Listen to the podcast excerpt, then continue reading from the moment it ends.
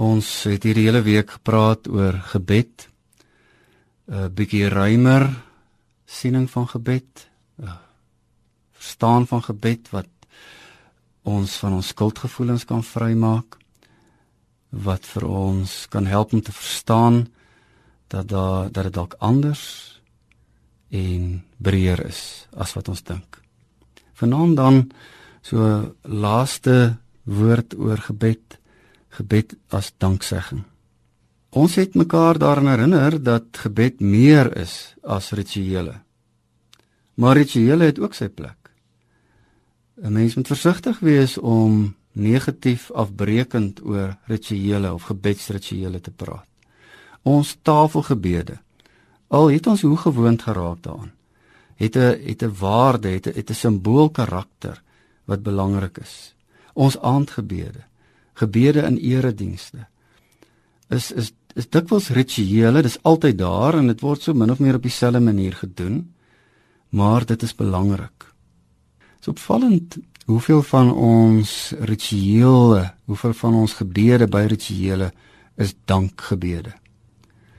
Ons bid Psalm 103 dikwels as ons klaar nagmaal gevier het. Jy ken dit dalk.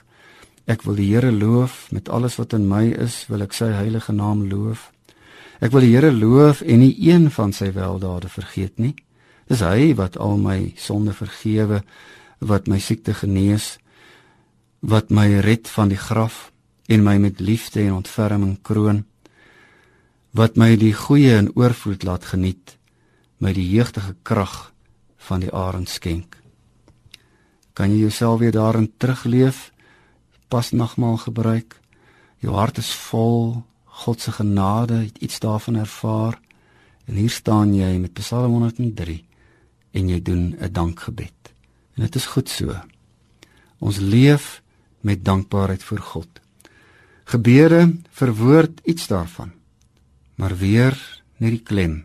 Dis meer as woorde. Jy waarskynlik agtergekom hierdie week.